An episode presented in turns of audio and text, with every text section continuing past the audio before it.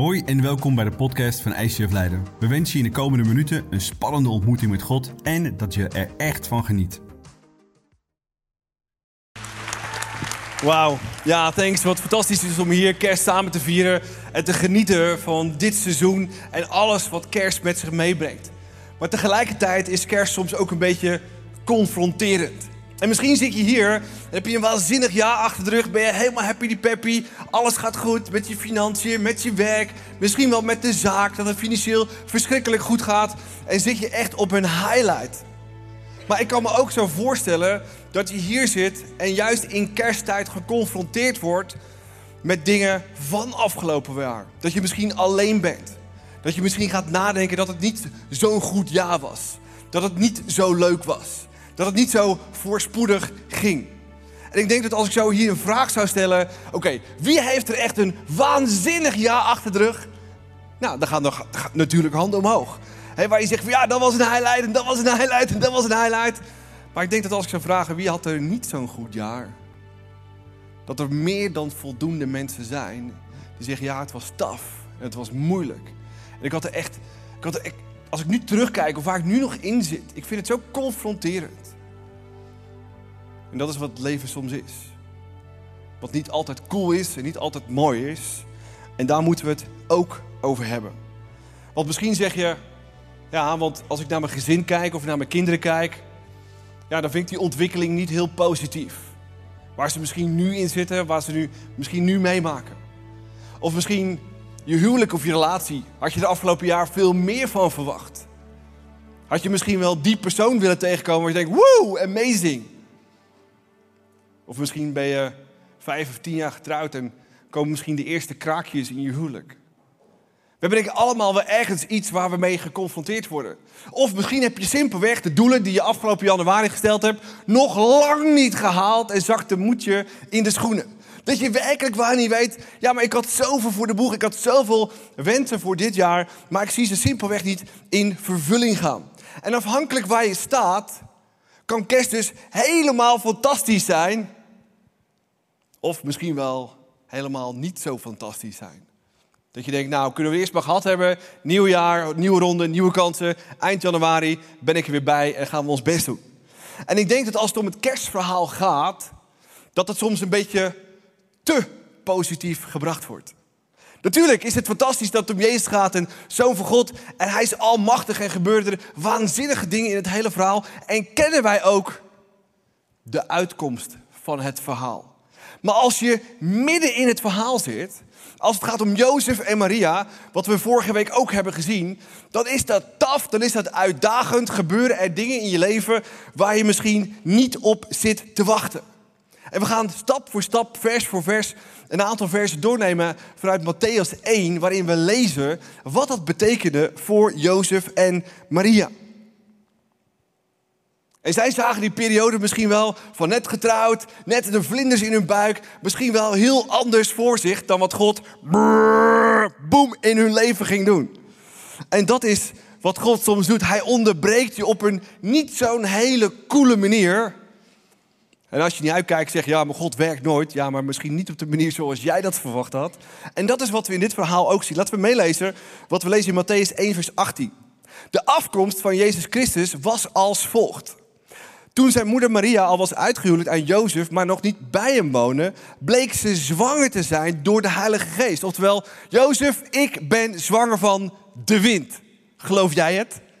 Wat zouden de mensen om je heen daarvan vinden? Wat zouden je schoonouders daarvan vinden? Die hadden het totaal anders voorgezien. En nu gebeurt er iets wat ze zelf niet hadden voorzien. En wat een enorme impact heeft op hun dagelijks leven. En ik kan me zo voorstellen met het sentiment van deze tijd. Dat Jozef zou zeggen, foto maken, online, social media, cancelen, game over. Ik sla een andere weg in en dit gaat nooit meer goed komen. Terwijl God aan het werk was, kun je je voorstellen? Dat is precies wat hier gebeurt. En laten we kort kennis maken met die emoties van Jozef en Maria en zien waar ze mee te dealen kregen. Nogmaals, wij kennen de uitkomst van het verhaal. Maar als je in Jozef en Maria's voeten gaat staan, in hun schoenen gaat staan, en je ziet wat er gebeurt, waar ze mee te dealen hadden, is tough cookie. Laten we kijken naar een clip.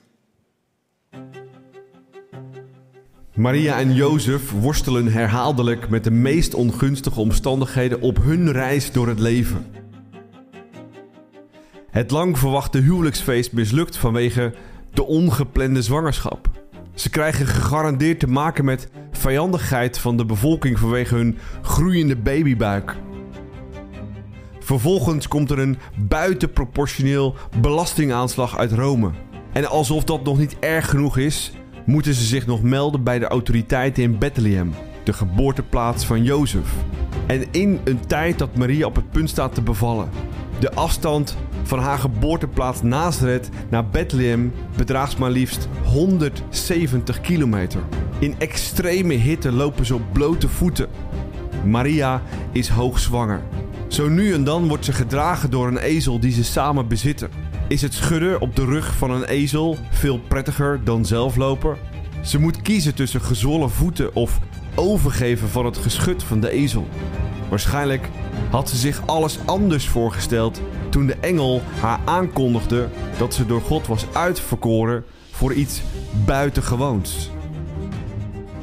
Dus waar is God nu in deze hopeloze situatie? Kilometers verwijderd van de bestemming. Haar rug doet pijn, de weeën beginnen. De geboorte is niet eenvoudiger. Een stal dient als geboorteplaats. Er is geen verloskundige ter plaatse. In plaats daarvan zijn er vuile herders beschikbaar als ontvangstcomité. Maar in hun vreugde wordt het al snel duidelijk dat door dit kind de Messias, die al eeuwenlang werd verwacht, eindelijk op de wereld is gekomen. En dus verliezen alle ongunstige omstandigheden kracht. En maken ruimte voor licht. Zoals er staat in Psalm 30, vers 6. Met tranen slapen we s'avonds in. S'morgens staan we juichend op. Jozef en Maria applaus geven dat ze zich zo wilden laten gebruiken in een periode. En ik kan me zo voorstellen dat als we dit verhaal duiken, je gaat weer de zoveelste kerst in, mijn 46ste, dat je denkt, ja, super schattig, herretjes, ja, super schattig, wij zitten oosten allemaal, allemaal goodies, allemaal hele leuke cadeautjes die je krijgt als nieuwgeboren ouders. En ja, Jozef, een beetje jammer dat je een bonuspapa bent, maar goed, het is toch allemaal zo super schattig. Dit verhaal is zo intens, is zo heftig. En dat we daar moeten bij stilstaan. Wat als je teleurgesteld bent in God? Wat als je bidt voor een wonder?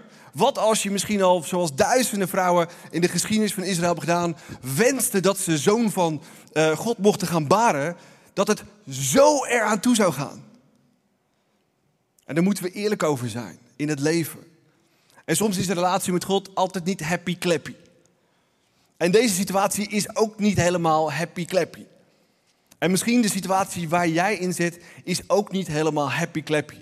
En we willen je als gezin, waarin we ook genoeg highlights hebben meegemaakt, maar ook genoeg lowlights meenemen in wat het betekent, hoe je daarmee om zou kunnen gaan. Als het anders gaat dan dat je gepland had. En drie waarheden willen we je meegeven die we als gezin ervaren hebben, die ontzettend helpen in je leven. En de eerste gedachte is, je hoeft Gods plan niet te begrijpen om hem te kunnen vertrouwen. Als je nu Gods plan voor je leven zou weten, dan denk ik dat je rennend wegloopt. Vind je niet zo cool?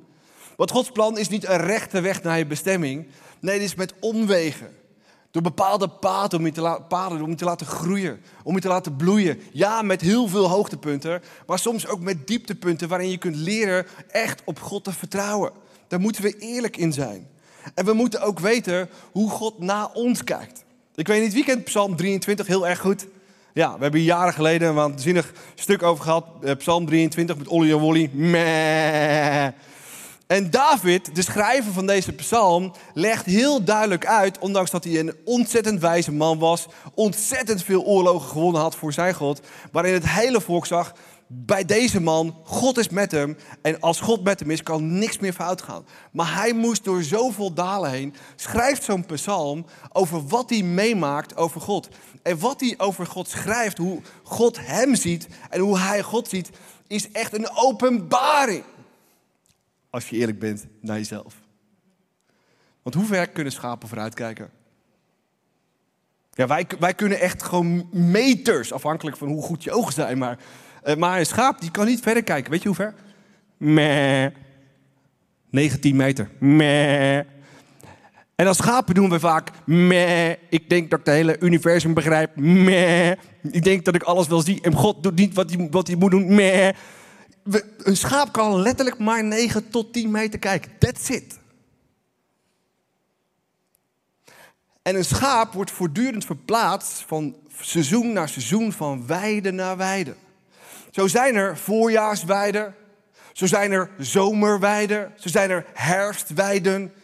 En is er natuurlijk in de winter een winterstal. En je gaat van seizoen naar seizoen naar seizoen. Nou, als je meh, een jong schaapje bent, weet je dan waar je heen moet? Oké, en als je dan een volwassen schaap bent, meh, weet je dan waar je heen moet? Je bent totally lost.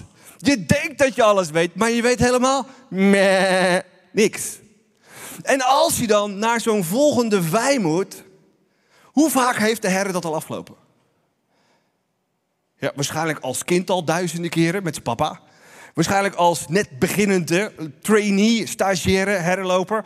Was hij al meh, had hij dat al, al duizenden keer gezien. Welke paden, waar hij moest opletten, waar hij schapen moest helpen. Een beekje over te gaan of waar het ergens een beetje prikkelig werd met verschillende soorten dieren. Hij weet waar hij heen moet.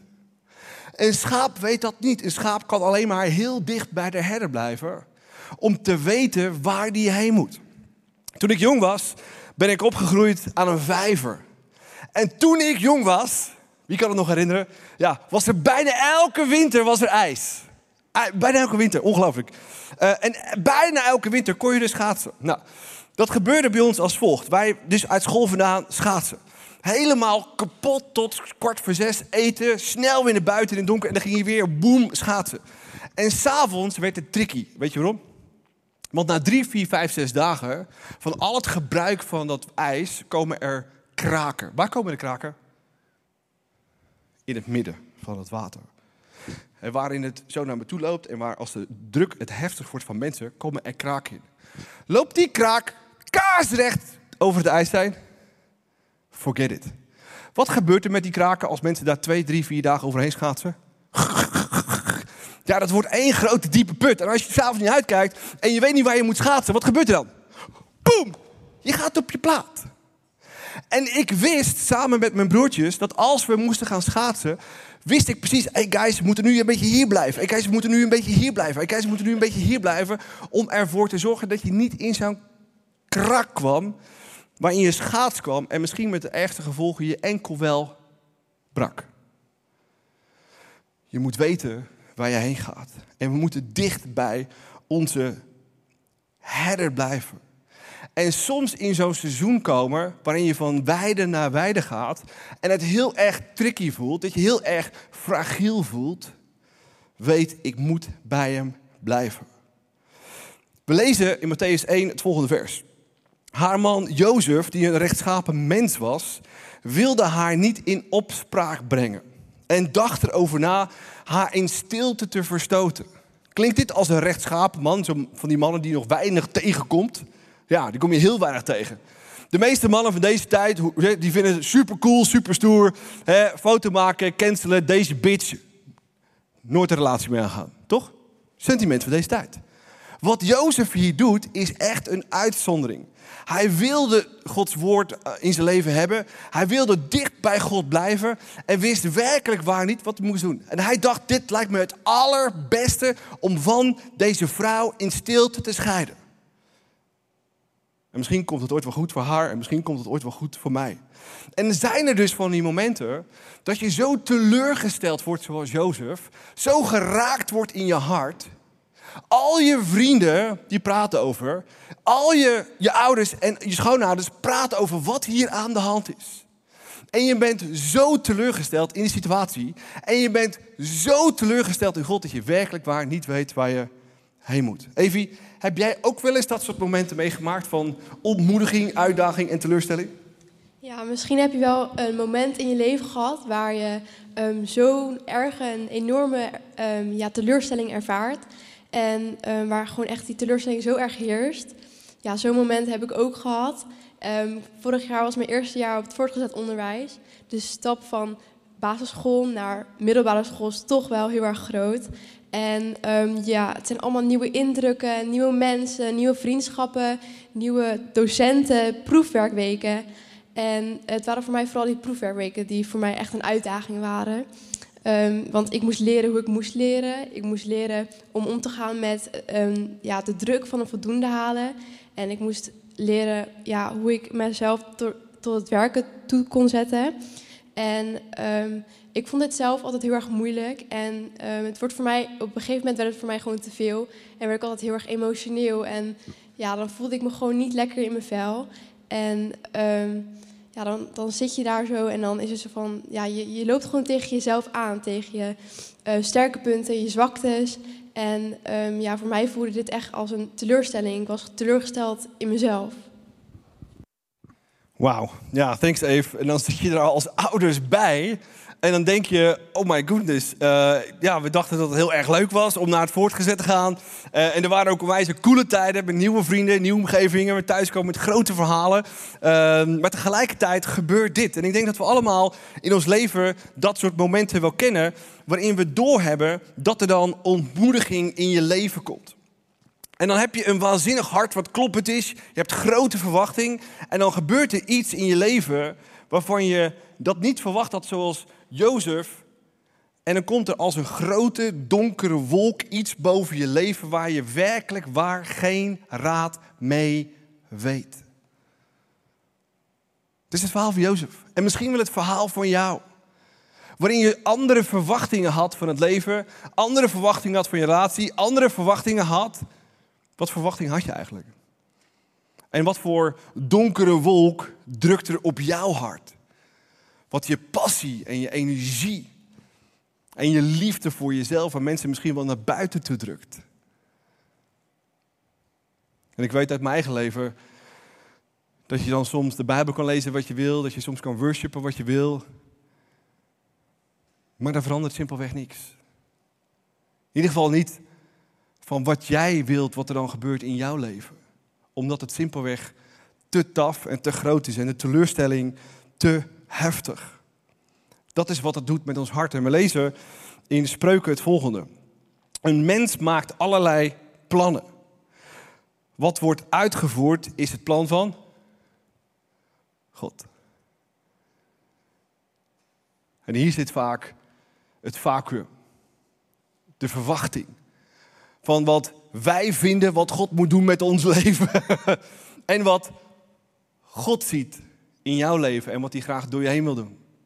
En onterecht denken heel veel mensen dat God vaak een beetje plaaggeestje wil zijn. Oh, ik ga ze een beetje dissen, ik ga ze een beetje... Weet je, dat hoor je ook heel veel mensen zeggen. Ja, uh, God allemaal, God wil een beetje plagen.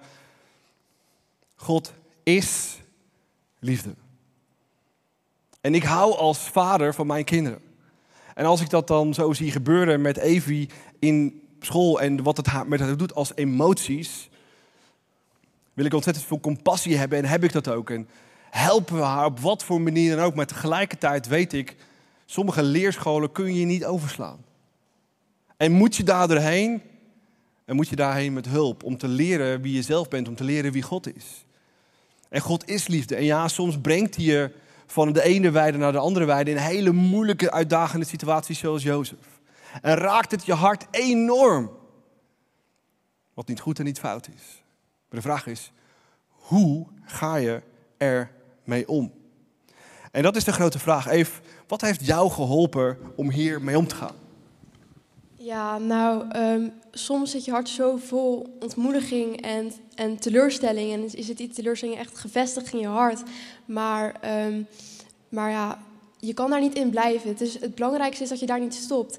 En dat je gewoon doorgaat. En uh, je kan wel zo zeggen van, ja, nou ja, nu ben ik emotioneel. En ja, nu ben ik teleurgesteld. Maar je kan ook zeggen van, ik ga vooruitkijken. Ik ga kijken wat er, wat mij nog wat er nog komt, wat er nog allemaal op mij te wachten staat. En voor mij zijn er ook twee dingen die voor mij geholpen hebben. Ik ging altijd samen met mijn, ouders bidden. Um, ik deelde met hun wat er op mijn hart lag, wat, ja, wat, wat ik moeilijk vond en wat mijn uitdaging was. En dan gingen we samen, ging samen met hun bidden en dat was ook heel krachtig voor mij.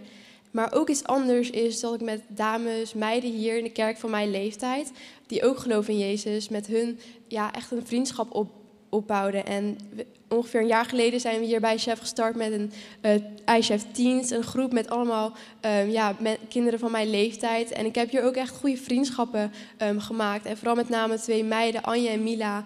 Um, ik ben echt heel close met hun geworden. En ik kan met hun alles delen en ik kan samen met hun bidden. En ik kan samen met hun een hele sterke vriendschap opbouwen.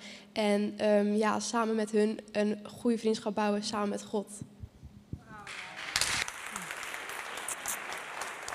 Wauw, dankjewel Eve.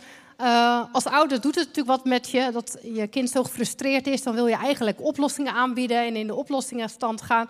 En zoals je gewend bent dat ze van ja, die baby's en peuters zijn. Maar op deze leeftijd, ja, dan moeten ze hun eigen uh, weg vinden. Natuurlijk sta je ernaast, natuurlijk uh, ga je met ze bidden, help je ze. En het is zo mooi om te zien dat ze ja, haar eigen weg is gegaan. En daarin echt dat we gezien hebben dat je daarin gegroeid bent. Het is mooi om te zien, Eve. Super. Brengt ons bij de tweede gedachte van, ik wou zeggen vanavond, maar dat is het nog niet, van deze morgen. We hebben gelukkig nog een hele dag voor ons. Bij de volgende gedachte, en dat is dat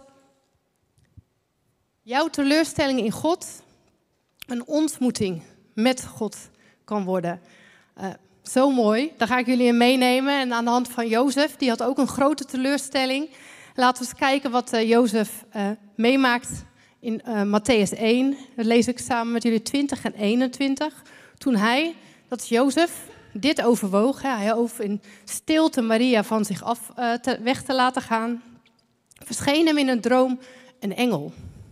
De Heer die zei, Jozef, zoon van David, wees niet bang je vrouw Maria bij je te nemen, want het kind dat ze draagt is verwekt door de Heilige Geest. Ze zal een zoon baren. Geef hem de naam Jezus, want hij zal zijn volk bevrijden van hun zonde. Ik kan me voorstellen dat Jozef bitter teleurgesteld was in Maria. Hele plannen voor de toekomst, het hele leven waarschijnlijk al samen uitgestippeld wat ze wilde, hoeveel kinderen ze misschien wilde krijgen. En waarschijnlijk was hij ook wel teleurgesteld in God. Want hij leeft, eerder lezen we dat hij zo dicht bij God leefde. En dat hij dacht van, ja, Jezus, waarom, God, waarom moet dit mij overkomen? En dan is het zo bijzonder wat er gebeurt, dat hij ontmoeting met God heeft, door die engel. En dat is echt, Jozef, zoon van David. Dat staat een heel kort zinnetje, maar eigenlijk zegt dat heel veel. Eigenlijk zegt hij hiermee, Jezus, jij Jozef, jij stamt af van David, van koning David. Jij stamt af van een koninklijke lijn. Jouw herkomst is koninklijk. En dat betekent aan de ene kant dat je een verantwoording hebt, Jozef, vanwege jouw afkomst. En aan de andere kant zegt de engel: Hé hey Jozef, jij hoort al bij die koninklijke lijn. Jij maakt deel uit van dit verhaal. En het is geen klein verhaal. Dat wist Jozef in het begin nog misschien niet, maar op dat moment veranderde er toch wat in zijn hart. Op dat moment besefte hij waarschijnlijk hoe bijzonder dit was. Dat Maria zwanger was van de Heilige Geest. Dat hij de als afstammeling van zoon van David Jezus mocht opvoeden. Heel klein zinnetje viel mij op en ik dacht eigenlijk, eigenlijk, als je snel leest, lees je er zo overheen en zegt het je niks.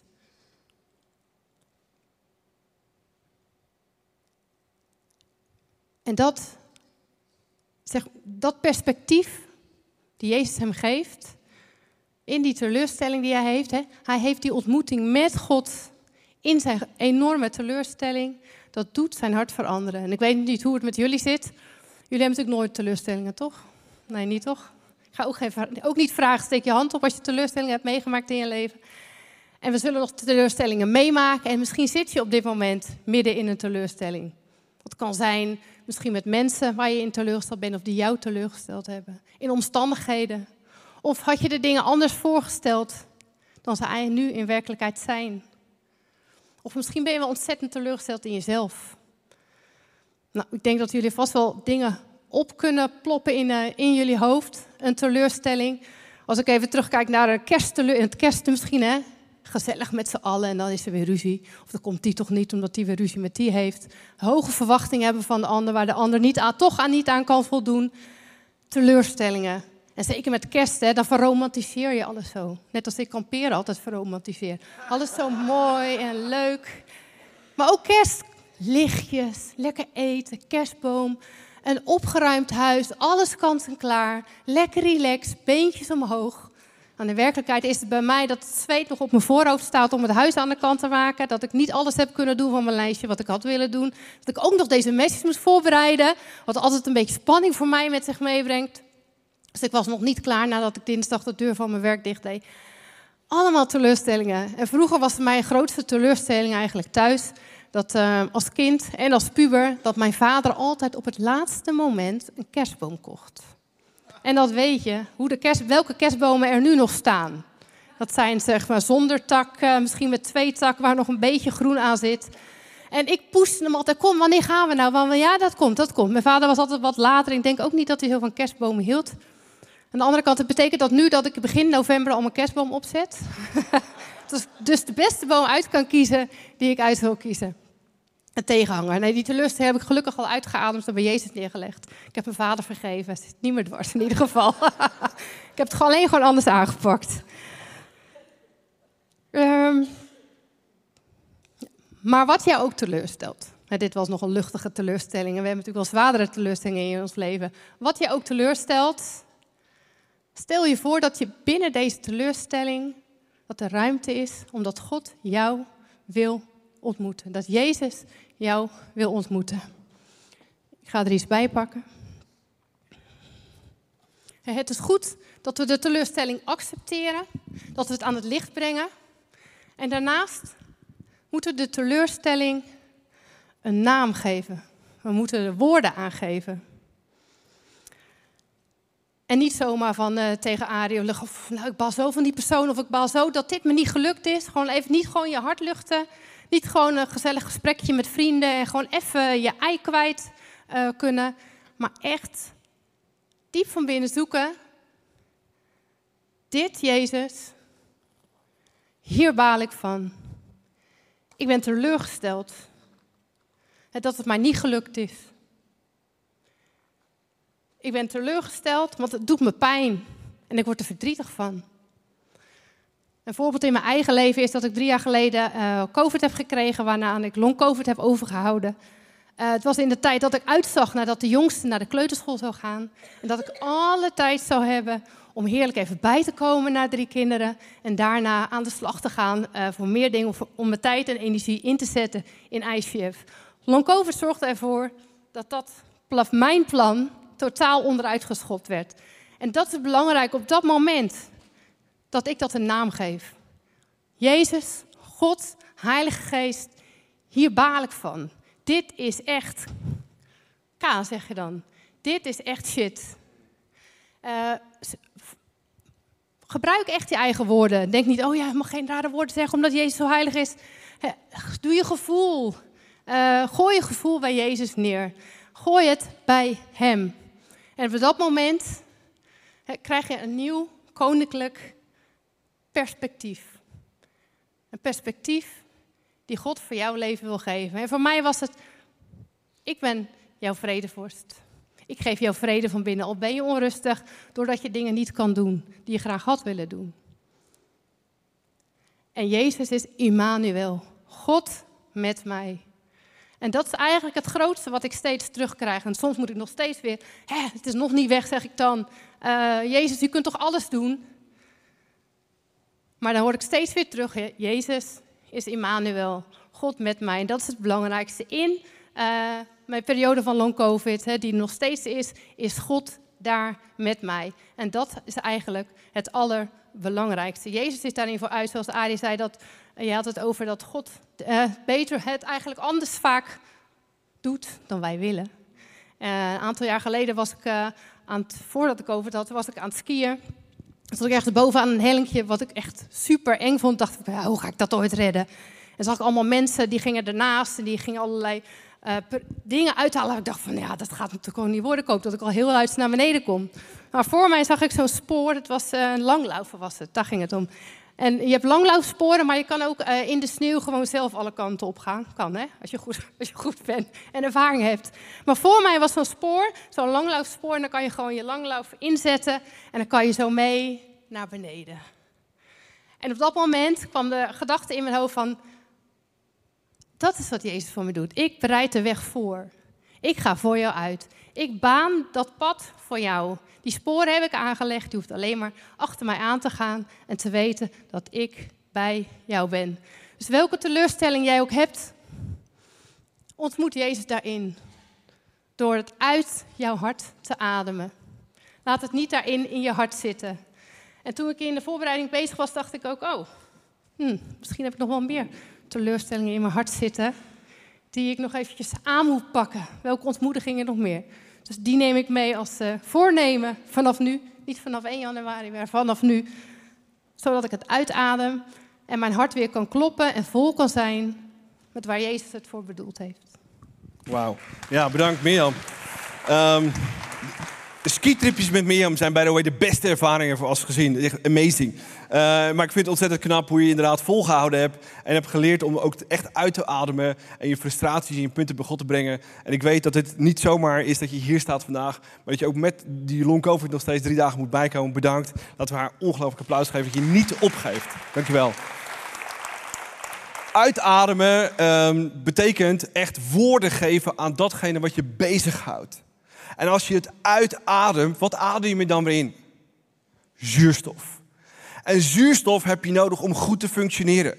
Met zuurstof kun je een vuur weer in vuur en vlam zetten. En we moeten de crap woorden geven en het uitademen. Zodat we Gods zuurstof, zijn liefde, zijn passie, zijn geloof, zijn visie, wat hij door je heen weer kan doen, weer kan inademen. Zodat je weer van binnen in vuur en vlam kan staan. Nou, mijn jaar was met hoogtepunten en dieptepunten. Mijn hoogtepunten, waanzinnige vakantie gehad van de zomer. Aan het eind konden we met z'n tweetjes, even en ik, naar Hamburg. Ik moest daar spreken. Onwijs een coole kerk van een vriend. We hebben zoveel highlights gehad. We zijn een conferentie geweest als heel gezin. Dat zijn zoveel mooie dingen. Maar tegelijkertijd kom je terug van vakantie, hoor je, ja, kidsruimte over vier weken moet stoppen. Je denkt je, oh my gosh, Jezus, gaan we weer. En je gaat van dieptepunt naar dieptepunt naar dieptepunt. En ook afgelopen jaar weer moest ik voor de derde keer moest mijn kaak open. Om datgene wat al drie jaar en ook al drie jaar open geweest is, weer helemaal uit te boren. Omdat het nog steeds niet goed zat. Waarvan ik weet, Jezus, houdt het dan nooit op? En ik moet dan leren om het woorden te geven, bij Jezus te brengen. Het uit te ademen, zodat ik die zuurstof weer kan inademen. En als we dat dan doen, heeft het een ontzettend positieve uitwerking. Want misschien heb je geen liefde meer. Misschien heb je geen geloof meer. Misschien heb je geen visie meer. Maar als we het woorden geven bij God, dan verandert ons hart op een hele positieve manier. Krijgen we die liefde, visie, geloof, blijdschap, hoop weer in ons leven. Want als God niet genoeg is, wat is dan wel genoeg? En ik kan met eigen woorden zeggen vanuit mijn leven, vanuit ons leven als gezin. Waarin we soms ook hele hoge prijs betaald hebben om deze kerk simpelweg draaiende te houden met zoveel fantastische leiders. Dat we die mensen ook een groot applaus geven die door de jaren heen deze kerk gebouwd hebben. Om niet op te geven. En elke keer weer terug naar onze Jezus te gaan om te ervaren dat hij ons hart weer vulde met liefde, weer vulde met visie, weer vulde met geloof, weer vulde met blijdschap en weer vulde met hoop. Want als je geen hoop meer hebt, dan wordt je wereld echt nog veel donkerder en blijft er weinig over van je hart. En het laatste punt wat we je als gezin mee willen geven is het volgende. God heeft een plan en jij bent daar deel van. Zolang je hart klopt, heeft God een plan met jou. Zolang je hart klopt en je een hartslag hebt, is die niet klaar met jou en wil die door je heen werken. En dat vind ik het meest waanzinnige in dit hele verhaal dat hoe donker het ook leek voor Jozef en Maria, Maria zo'n ongelooflijk groot statement deed. En we lezen dat in Lucas 1, vers 38. Lees met me mee. En Maria zei, de Heer wil ik dienen. Ze zit in die situatie, het is uitzichtloos. De haar wereld stort in, die van Jozef is al helemaal ingestort. Alle mensen rollen over haar. En dan zegt ze, ik wil de Heer dienen. Laat er met mij gebeuren wat u hebt gezegd. Is dit moedig? Is dit tegelijkertijd nederigheid en moed in één klap? Ongelooflijk knap. En daarna liet de engel haar weer alleen. In alles wat ze meemaakt, in alles wat ze hier ziet, in alles wat ze voelt, had ze duizend redenen om te zeggen: Jezus, so goes it not, talk to the hand, mij zie je niet meer, game over. Maar ze wist, God praat hier met me. En hij vraagt hier wat van me, wat zoveel moed veegt. Wat zoveel nederigheid in je hart veegt. En ik denk dat we dat als volgelingen van Jezus soms wel eens vergeten.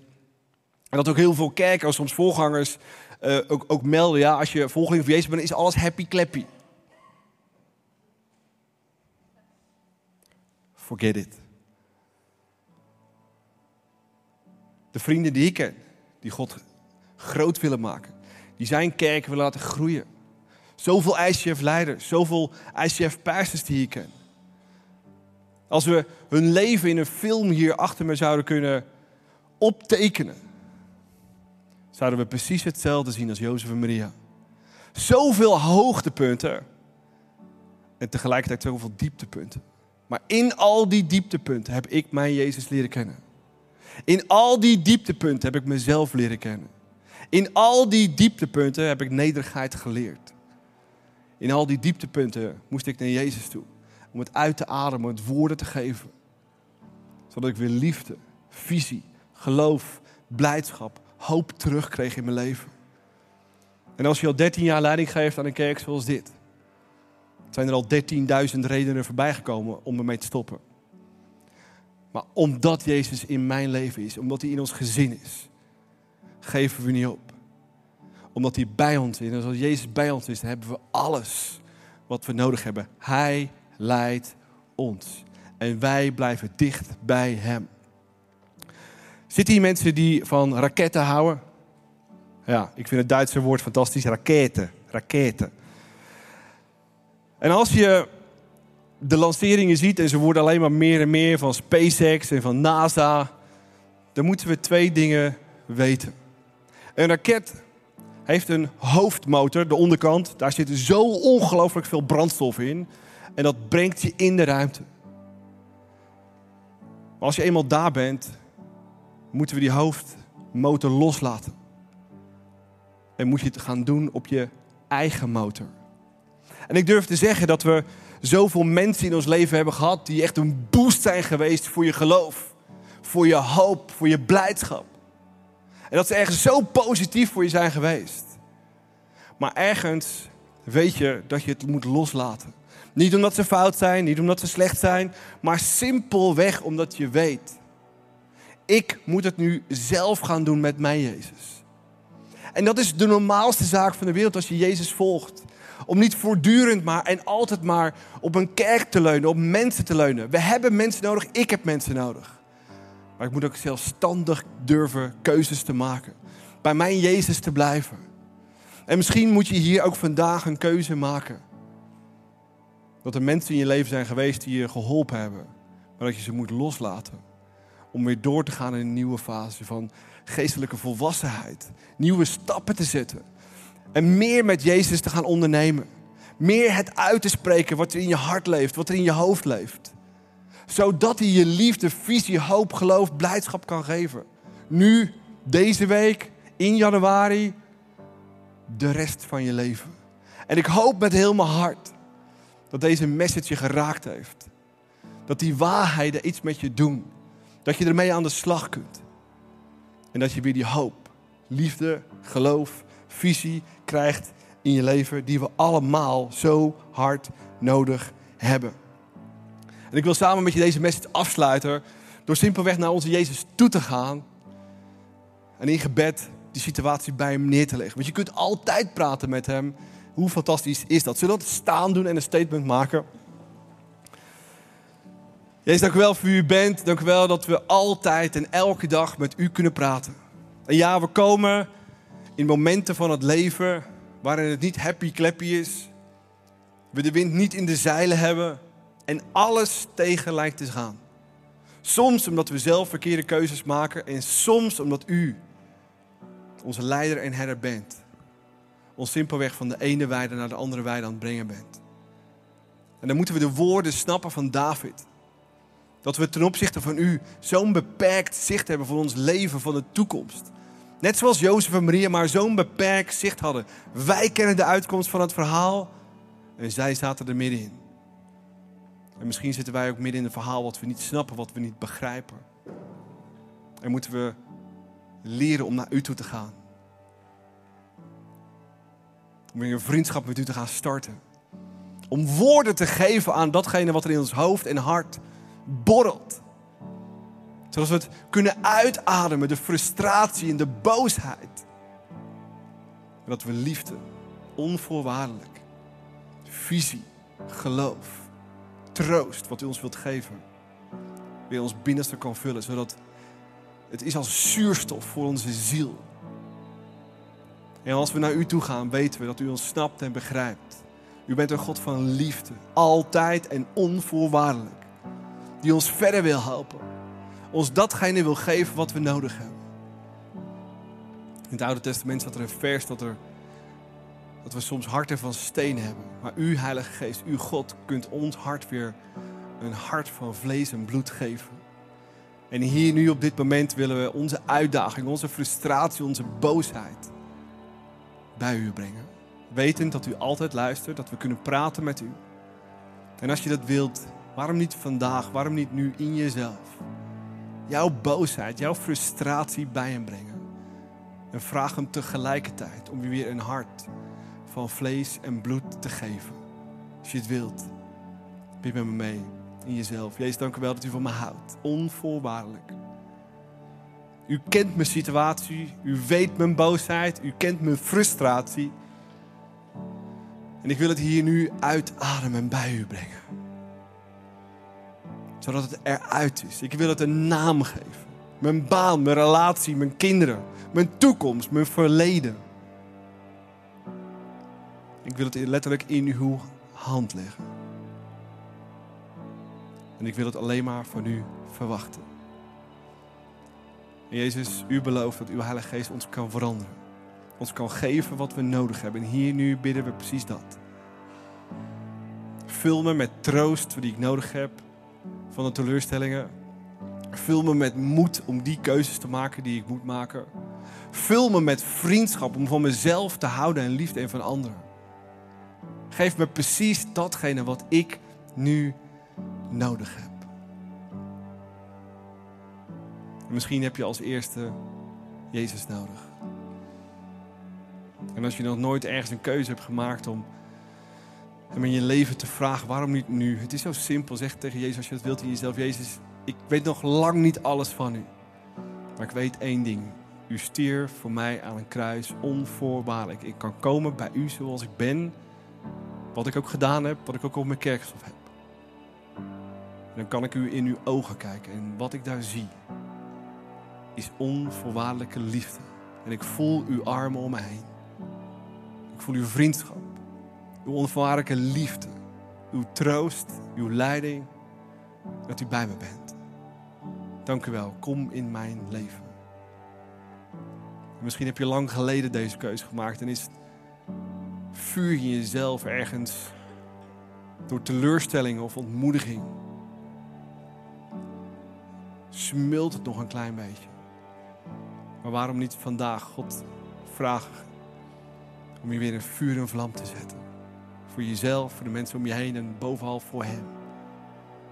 Als je dat wilt, bid me mee. Jezus, dank u wel dat u van me houdt. Dank u wel voor die keuze zo lang geleden dat ik op mijn knieën ging, mijn leven aan u gaf. Dat ik zo on fire was. Elke dag met u leefde en uw woord las en zo bemoedigd werd.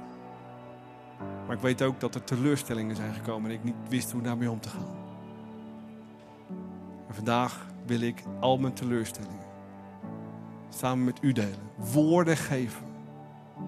Het uitademen, zodat ik uw liefde, uw vuur, uw zuurstof kan inademen. Want u bent de God van liefde. u gaat met ons mee. U gaat met mij mee vanaf vandaag. Kerst 2023. Dank u wel. Amen. Wij hopen dat deze podcast je heeft geïnspireerd en verder geholpen heeft in je relatie met God. Wanneer deze podcast je geraakt heeft en je de inhoud ervan wilt helpen verspreiden, deel dan deze aflevering op jouw favoriete social media platform. Op deze manier horen meer mensen over Jezus en deze boodschap van hoop. Je kunt ons ook financieel ondersteunen, waardoor we een maximaal bereik krijgen op het internet en nog meer mensen nieuwe hoop krijgen. Bedankt voor alles wat jij mogelijk maakt. We geloven dat kerk een familie is, dus of je nu live erbij bent of online meeluistert, we willen jou graag persoonlijk leren kennen. Als we jou persoonlijk verder kunnen helpen, dan horen we dat graag. Check voor info en meer mogelijkheden op onze website. Fijne dag.